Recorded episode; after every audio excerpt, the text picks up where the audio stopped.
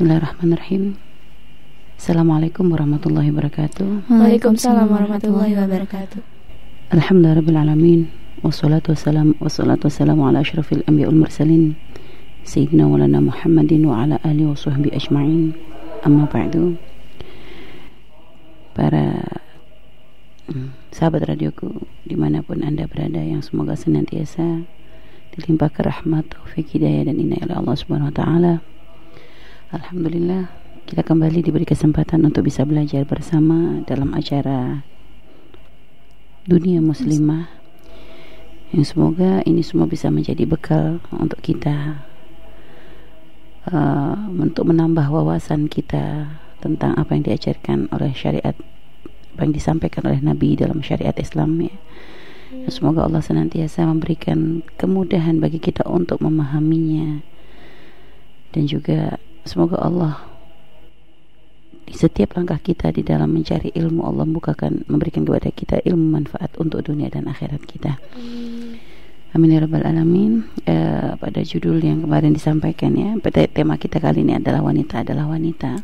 Uh, itu adalah suatu gambaran yang memang artinya ingin mengembalikan wanita itu kepada tempatnya kan gitu. Ya, Umi. Karena memang tadi seperti disampaikan oleh Almira dan juga Naila ada berapa banyak karena merasa karena sekarang dianggap zaman yaitu ada zaman yang kadang paling sering disebut-sebut yang sebenarnya di dalam Islam itu tidak perlu disebut ya ada Hmm. istilah zaman emansipasi gitu ya Mm-mm. yang sebenarnya di dalam Islam tidak perlu ada emansipasi Mm. karena memang Islam sudah sangat adil dalam urusan laki-laki dan wanita dari awal. Iya. Sedangkan emansipasi itu kan cara wanita kata untuk menuntut keadilan. Mm. Ingin bagaimana wanita disamakan haknya seperti laki-laki dan sebagainya. Padahal eh, kalau di dalam Islam wanita tidak perlu menuntut yang namanya emansipasi karena dari awal di dalam Islam tidak ada kedoliman kepada wanita.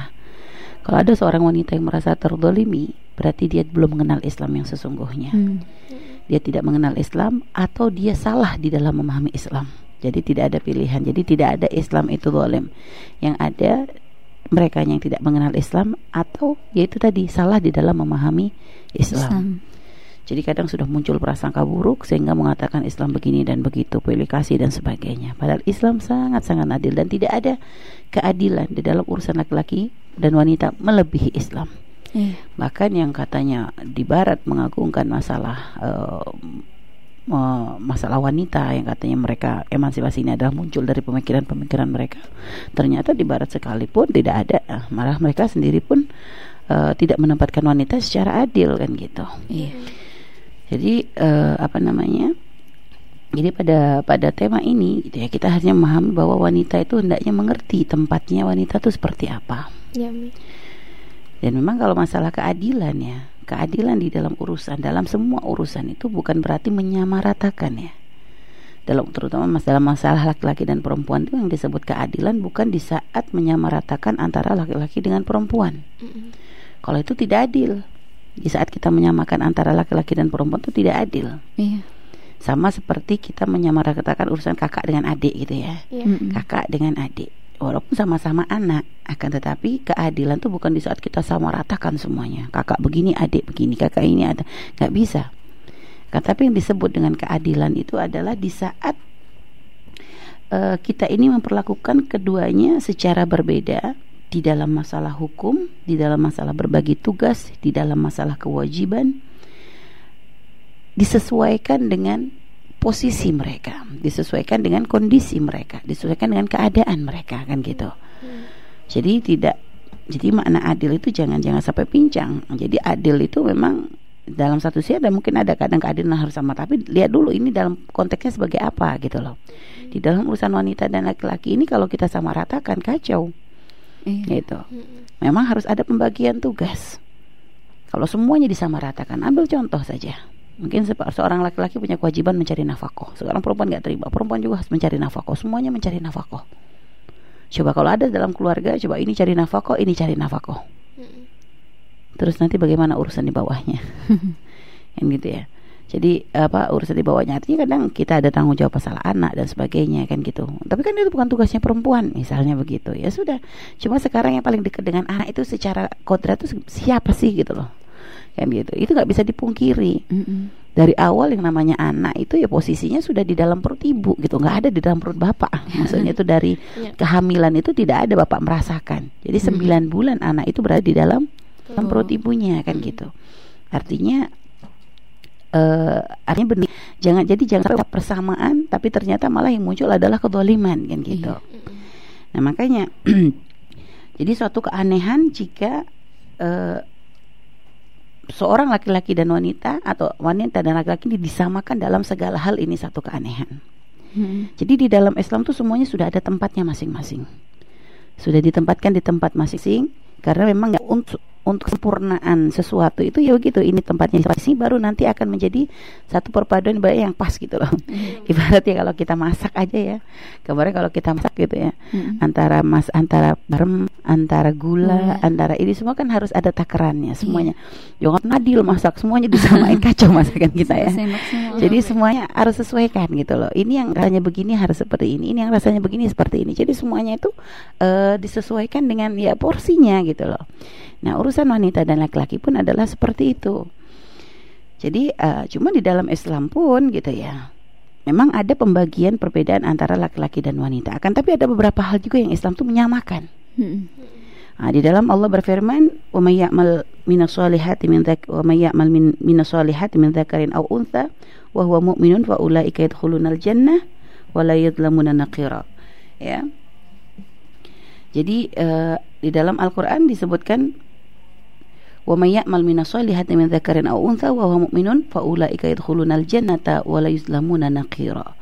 Artinya barang siapa yang mengerjakan amal soleh baik dari laki-laki dan wanita gitu ya Mm. Sedangkan dia adalah orang yang, ber- yang beriman, maka mereka akan masuk ke dalam surga. Mereka tidak dianiaya sedikit pun. Artinya di sini menunjukkan di dalam urusan masalah ketakwaan, dalam urusan masalah kedekatan kepada Allah, di situ tidak dibedakan mana laki dan mana perempuan. Mm. Artinya laki-laki dan perempuan ibaratnya uh, Allah tidak melihat dalam jadi karena dalam Al-Qur'an lain in akramakum indallahi atqakum kan begitu. Iya. Artinya yang paling takwa di antara kalian adalah yang paling takwa, tidak dibedakan apakah perempuan atau laki-laki. Mm. Jadi di, di- dilihat adalah dari ketakwaannya. Bahkan di dalam ayat yang lain eh, Allah berfirman kepada Sayyidah Maryam warka'i ma'arraki'in gitu kan ya. Warka'i ma'arraki'in. Jadi diperintahkan untuk ruku bersama orang-orang arraki'in di sini kan maknanya adalah eh, jamak untuk mudzakkar kan untuk laki-laki sebenarnya. Iya. Tapi lihat disamakan di situ artinya karena memang pangkatnya Sayyidah Maryam itu adalah luar biasa. Bahkan kalau lihat kita lihat di dalam kisahnya Sayyidah Maryam di situ menunjukkan bahwa beliau adalah seorang wanita akan tapi beliau punya pangkat tinggi di hadapan Allah Subhanahu wa taala. Beliau diberikan kelebihan, beliau diberikan keutamaan. Bahkan sampai dikatakan eh, Nabi Zakaria ya seorang nabi ya. Seorang nabi yang ya seorang nabi adalah orang dekat dengan Allah kan gitu. Hmm. Bahkan Nabi Zakaria pun merasa takjub dengan keutamaan yang Allah berikan kepada Sayyidah Maryam. Karena melihat kelebihan pada diri Sayyidah Maryam. Melihat bagaimana kok di tempat ibadahnya eh, Sayyidah Maryam ada makanan. Yang makanan musim dingin muncul di musim panas, musim panas muncul musim dingin. Pada siapa memberikan? Nah, Sayyidah nah, Maryam ketika ditanya, ini oh min indillah, ini semua dari Allah gitu ya. Ini adalah dari Allah. Dari situ Nabi Zakaria melihat pangkat tingginya Sayyidah Maryam di hadapan Allah Subhanahu wa taala sehingga makanya ketika Sayyidah Maryam tidak ada di tempat di mihrabnya maka Nabi Zakaria menggunakan mihrabnya Sayyidah Maryam adalah untuk berdoa kepada Allah. Memohon karena ini adalah tempatnya wanita solehah, orang yang dekat dengan Allah, beliau beliau berhusnudzon. Melihat pangkat tingginya ini maka beliau berdoa padahal Nabi Zakaria adalah seorang nabi. Mm. Ibaratnya kalau seandainya beliau adalah nabi, orang yang dekat dengan Allah doanya dikabulkan begitu. Iya. Tapi pun lihat melihat pangkat Sayyidah Maryam beliau merasa takjub dengan itu semua sehingga akhirnya lihat berdoa kepada di mihrabnya Sayyidah Maryam memohon kepada Allah agar diberikan keturunan. Karena memang Nabi Zakaria belum diberikan keturunan sampai beliau berusia tua kan gitu. Mm. Akhirnya lihat dan doanya pun dikabul oleh Allah Subhanahu wa taala. Ketika beliau memohon kepada Allah di mihrabnya Sayyidah Maryam memohon agar diberikan keturunan hunalika da'a Zakaria rabbah. Lihat hunalika itu maksudnya adalah di mihrab di tempat ibadahnya Sayyidah Maryam tersebut Nabi Zakaria berdoa dan akhirnya dikabul oleh Allah Subhanahu wa taala dan akhirnya diberikan keturunan Nabi Yahya kan gitu. Nah artinya dari sini kita bisa melihat. Makanya kalau seandainya ada orang mengatakan Islam gak adil itu aneh loh. Itu kisah Sayyidah Maryam tuh gimana gitu loh. Iya. Kalau memang Islam tidak adil Kisah Sayyidah Maryam tidak akan ditertulis di dalam Al-Quran. Mm. Nah, Itu sudah menunjukkan bahwa bagaimana ini menunjukkan bahwa ketakwaan itu adalah nilainya tinggi di hadapan Allah. Apakah dari laki-laki ataupun dari wanita. Dan coba kita lihat juga bagaimana Muhammad SAW di dalam menempatkan wanita. Nah ini. Artinya kalau sudah semuanya sudah memahami ini ya, makanya eh, jangan jangan sampai jadi aneh kalau sampai masih ada orang berprasangka buruk atau berpikir picik ketika melihat bagaimana uh, mengatakan Islam uh, diskriminatif diskriminatif dan sebagainya. Ini aneh gitu loh. Mm-hmm. aneh. Tentu mungkin biasanya orang yang mempunyai pemikiran begini karena memang di hatinya ada kedengkian kepada Islam sehingga tidak melihat Islam dengan cara yang benar. Mm-hmm. hanya melalui pola pandangnya dia. Jadi tidak melihat secara sesungguhnya karena kalau orang benar-benar melihat lihat akan menemukan keadilan itu di dalam Islam hmm Kalau seandainya nanti di dalam penempatan misalnya uh, wanita di, uh, tugasnya laki-laki mencari nafkah, perempuan kenapa tugasnya di rumah itu kan diskriminatif, diskriminatif gitu kan. Mm-hmm. Ini aneh loh. Memang tempatnya memang diatur seperti itu untuk kesempurnaan. Karena ibarat ya dalam satu dalam satu apa ya dalam satu kelompok atau dalam dalam satu hubungan atau apa pun loh kalau semua punya tugas sama nggak kamu mm-hmm. Coba kalau seandainya gini aja deh, ambil dalam contoh. Kalau kita dapat ambil contoh kecil nggak usah negara atau apa deh. Kalau kita uh, dapat tugas misalnya uh, kita punya grup kemah misalnya gitu ya. Mm. Grup kemah. Apakah keadilan tuh semuanya adalah dikasih tugas sama semua? Cari kayu, cari kayu semua. Masak-masak semua enggak kan? Iya. Ini ada pembagian tugas. Mm-hmm. Ada mungkin yang kadang pembagian tugasnya lebih ringan tapi sebenarnya itu kan. Mungkin ada satu cari kayu bakar. Cari kayu bakar dia harus keliling agak jauh. Tapi itu ternyata bagiannya apa? Jaga tenda jaga kemahnya kan gitu ya. Yeah. jaga kemahnya supaya nanti jangan sampai kena binatang sebagainya. Mungkin ada satu bagian dia masak air dia masak masak ini. Jadi ada pembagian tugas seperti itu. Lah ini kan memang bukan bukan mengatakan ini tidak adil. Kok ini cuma di tempat saya keliling ya kalau ada orang ngomong ini orang nggak siap untuk untuk untuk uh, kerja sama bareng kan gitu. Hmm. karena memang kalau dibuat sama semua ya kacau. Kalau pergi-pergi semua yang jaga di sini siapa kan gitu. Yeah jadi ada pembagian pembagian adil itu ya makanya di dalam keluarga pun ya seperti itu. Makanya dalam rumah tangga uh, suami tempatnya di mana, istri tempatnya di mana diatur di dalam Islam dengan cara yang sangat indah. Disesuaikan dengan posisinya masing-masing, disesuaikan dengan keadaannya masing-masing kan gitu. Mm-hmm. Ketika seorang istri mendapatkan tugas untuk menjaga anak bukan berarti merendahkan karena memang paling dekatnya anak dengan ibu kan gitu. Yeah. Karena kedekatan anak dengan ibu ini dari mulai 9 bulan di dalam kandungan itu sudah nggak terpisah. Coba 9 bulan itu bukan waktu yang sedikit gitu ya, bukan waktu sedikit dari mulai proses anak nggak nggak nggak berbentuk gitu ya sampai hmm. akhirnya berbentuk berbentuk berbentuk ini proses yang dirasakan oleh ibu.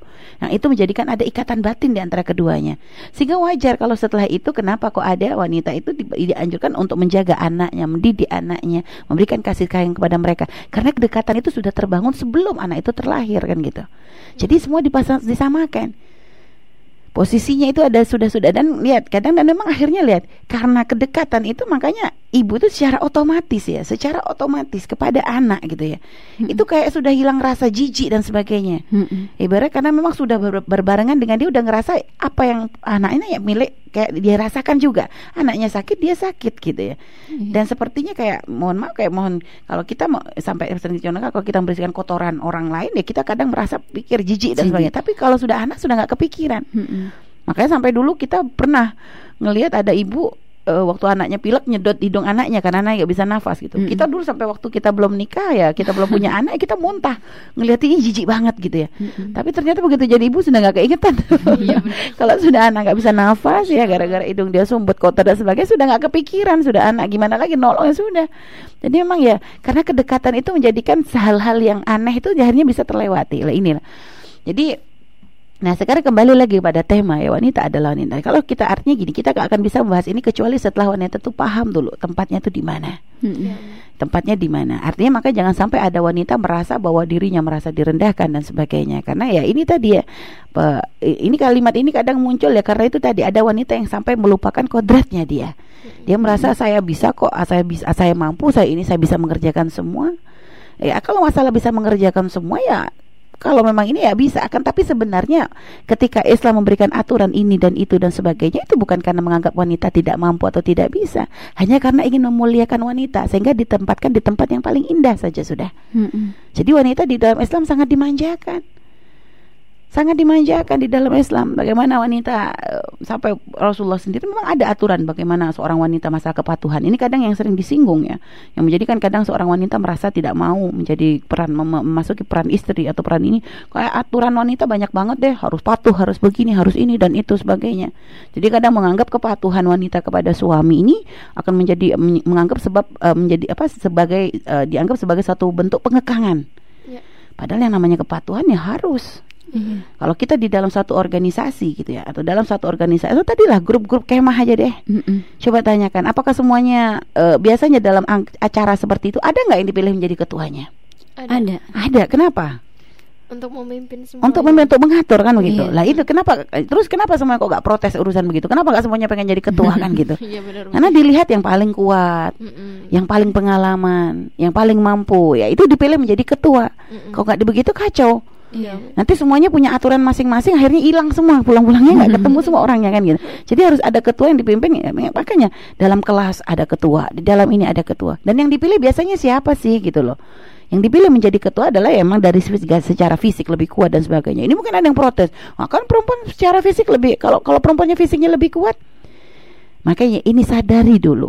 Memang kalau ada mungkin fisik seorang wanita lebih kuat daripada laki-laki. Mm-mm. Akan tetapi bagaimanapun ya, sekuat-kuatnya fisiknya perempuan gitu ya. Ada saat yang namanya perempuan itu juga akan merasa lemah. Perempuan gimana pun coba kalau kondisi-kondisi perempuan, nah, kondisi mohon maaf ketika sedang datang bulan, Mm-mm. wanita rentan di situ. Sensitif. Sen- Sensitif, Sensitif. kadang ada yang kadang sampai kesakitan. Mm-mm. Ini rutin loh ya, bulanan loh ya. Iya. Orang sakit bulanan, kadang sebulan sampai ada yang dua kali juga ada kan gitu. Mm-mm. Ini lebih pada wanita. Lo menunjukkan sebenarnya ya itulah dari sejarah fisik memang seperti itu. Belum lagi nanti kalau pas hamil. Mm-mm. Terus apa karena merasa perempuan lebih kuat? Saya nggak mau hamil. Terus gimana? sekarang bahkan perempuan yang mungkin ya sekarang mereka mungkin memiliki eh, apa mungkin dalam urusan masalah ekonomi pintar dan sebagainya ya mungkin dalam sejarah karir dia bagus dan sebagainya Hmm. ya. akan tetapi kodratnya seorang wanita adalah ada kerinduan Coba kita pernah membaca satu kisah ada seorang wanita yang katanya ya dia masalah ekonomi ini semuanya adalah wanita yang hebat dan sebagainya. Tapi ternyata sampai gara-gara asyiknya dia dengan pekerjaan sebagainya dia lupa untuk menikah. Mm-mm. Dia lupa untuk untuk ya membangun rumah tangga gitu.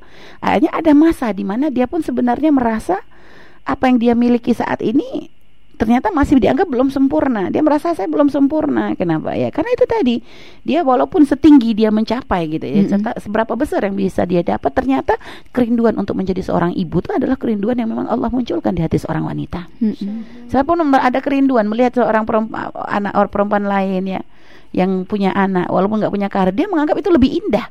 Bahkan mungkin kadang berapa banyak kita menemukan wanita-wanita yang ternyata sibuk dengan karirnya sampai melupakan eh, ke- kebutuhan atau me- melupakan apa ya yang memang ya kodrat maksudnya punya keluarga, punya suami, punya anak.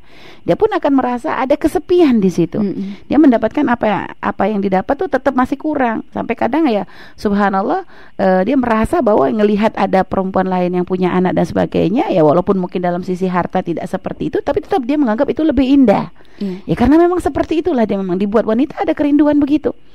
Jadi ya, ya memang ini adalah tahapan ketika bagaimana dulu kita ketika masih kecil gak kepikiran untuk nikah. Tapi setelah usia sudah mencapai ada keinginan untuk berpikir menikah. Saya itu nanti punya anak dan sebagainya. Lah ini memang sudah sudah suatu hal yang memang sudah Allah.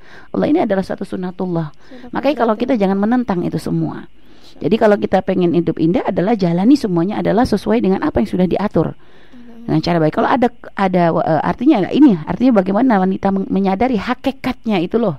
Hakikat wanita di dalam Islam itu seperti apa? Kalau kita ingin menempatkan wanita di tempatnya pahami hakikat kita itu bagaimana gitu loh. Jadi Islam artinya kita harus menanamkan ya di dalam di dalam hati kita bahwa tidak ada kedoliman. Islam kedeba- kepada seorang seorang wanita. Hanya Islam mem- memuliakan wanita, menempatkan wanita di tempat mulia ya. Jadi bahkan dalam beberapa hal eh, seorang wanita itu diprioritaskan lebih gitu kan ya. Mm. Nah, dalam masalah urusan seorang anak di saat bertanya kepada Rasulullah Sallallahu Alaihi Wasallam siapa yang paling berhak aku eh, pergaulan dengan cara yang baik gitu ya. Mm-mm. Eh, terus dijawab adalah ibumu, ibumu, ibumu kan itu tiga kali seorang ibu Mm-mm. disebut lah. Ini menunjukkan bahwa di, di mata seorang anak ibu punya pangkat lebih daripada seorang Ayah. ayah.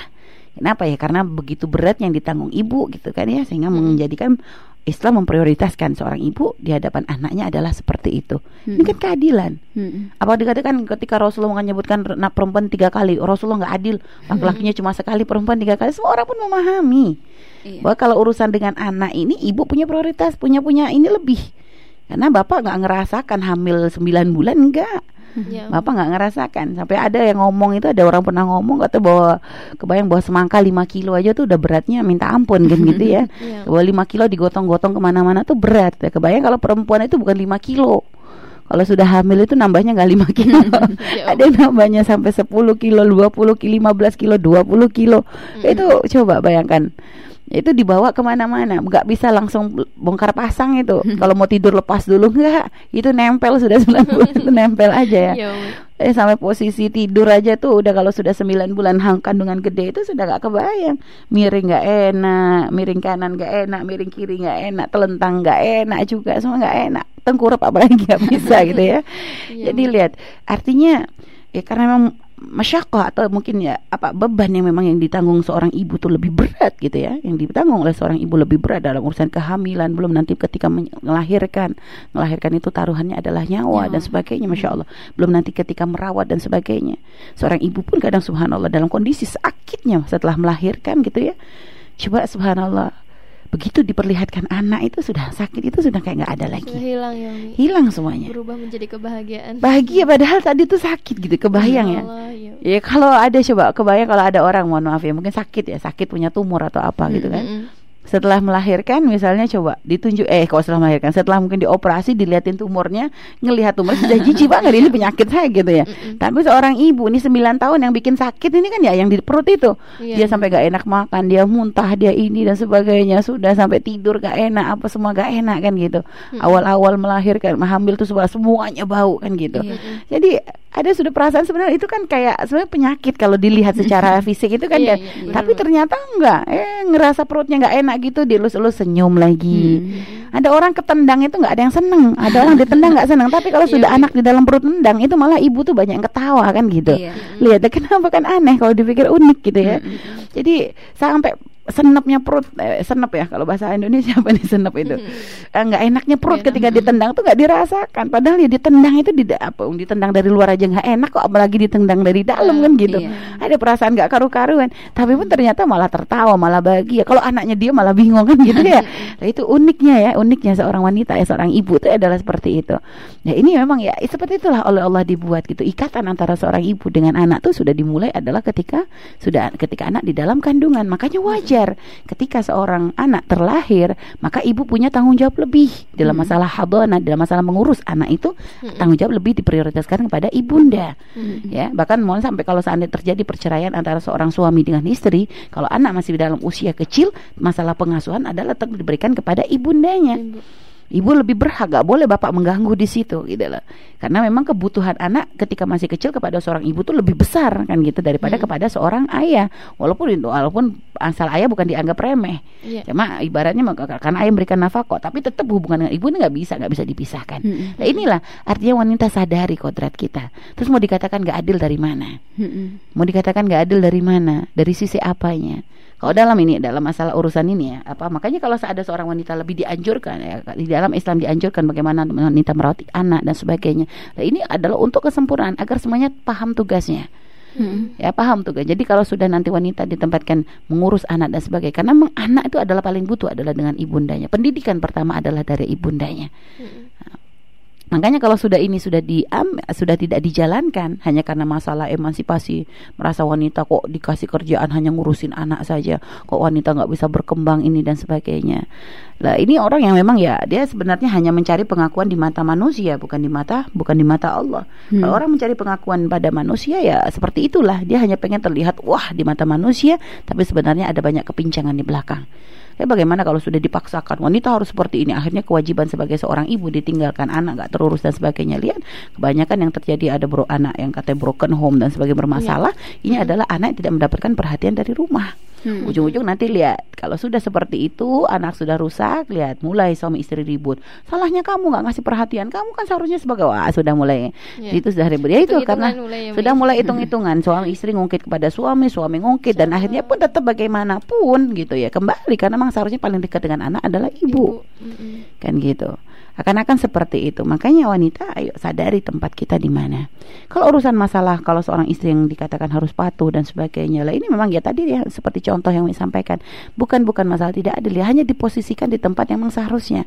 Untuk keadilan itu ya semuanya ada porsinya masing-masing. Hmm. Kalau semuanya disamakan nggak benar. Makanya kayak di dalam masalah grup atau apa ketua ya posisinya dia punya wilayah mungkin ya maksud dalam masalah mengatur hmm. dan apa dia punya punya tempat kan gitu. Hmm. Ya kayak kalau negara ya presiden gitu ya. Hmm. Nah, cuma kan lihat di bawahnya presiden itu kan ada menteri, ada ini semuanya. Ya semuanya tempatnya menteri ya di bawah. Maksudnya uh, kekuasaannya tidak setinggi presiden kan hmm, gitu ya.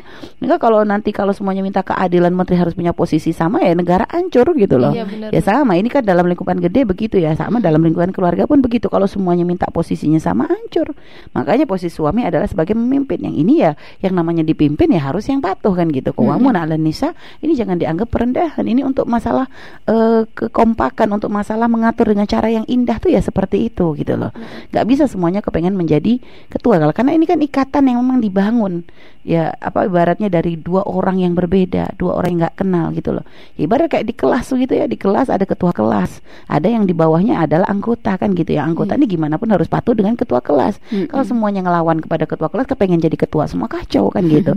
Nah, ini dalam urusan. Itu sama dalam rumah tangga pun begitu. Seorang istri nggak bisa mengatakan menuntut untuk sama. Tapi ditempatkan kan posisinya di mana kan gitu mm-hmm. ya artinya ke, jadi tidak ada keegoisan ya kalau sudah wanita memahami hakikat wanita maka tidak akan mengatakan bahwa di dalam Islam itu tidak ada keadilan di dalam urusan seperti ini yeah. dan ini kembali lagi tadi ya wanita adalah wanita artinya setinggi apa pun ibaratnya kepengen terbang dan sebagainya mm-hmm. tetap yang namanya wanita akan kembali akan merasa uh, keinginan pun untuk kembali menjadi seorang wanita tuh gimana yeah. tanyakan kepada wanita-wanita yang memang misalnya mereka mungkin punya karir atau punya jabatan dan sebagainya kerinduan untuk menjadi seorang ibu itu adalah suatu hal yang tidak bisa digantikan. Mm-hmm. Ya kerinduan untuk berkumpul bersama suami ya kalau orang punya iman ya pasti kumpul dengan suami, kumpul dengan anak itu adalah satu keindahan yang nggak bisa tergantikan. Mm-hmm. Mau diajak jalan-jalan keliling dunia seindah apa pun, kalau misalnya bagi orang yang sudah punya suami dengan anak ya kalau dia ahli iman ya, mm-hmm. kalau dia ahli iman bukan orang hanya sekedar mengejar kesenangan dunia semata ya, mm-hmm. tetap katanya gimana pun nggak akan indah kecuali ada anak dengan suaminya kan yeah, gitu. Yeah.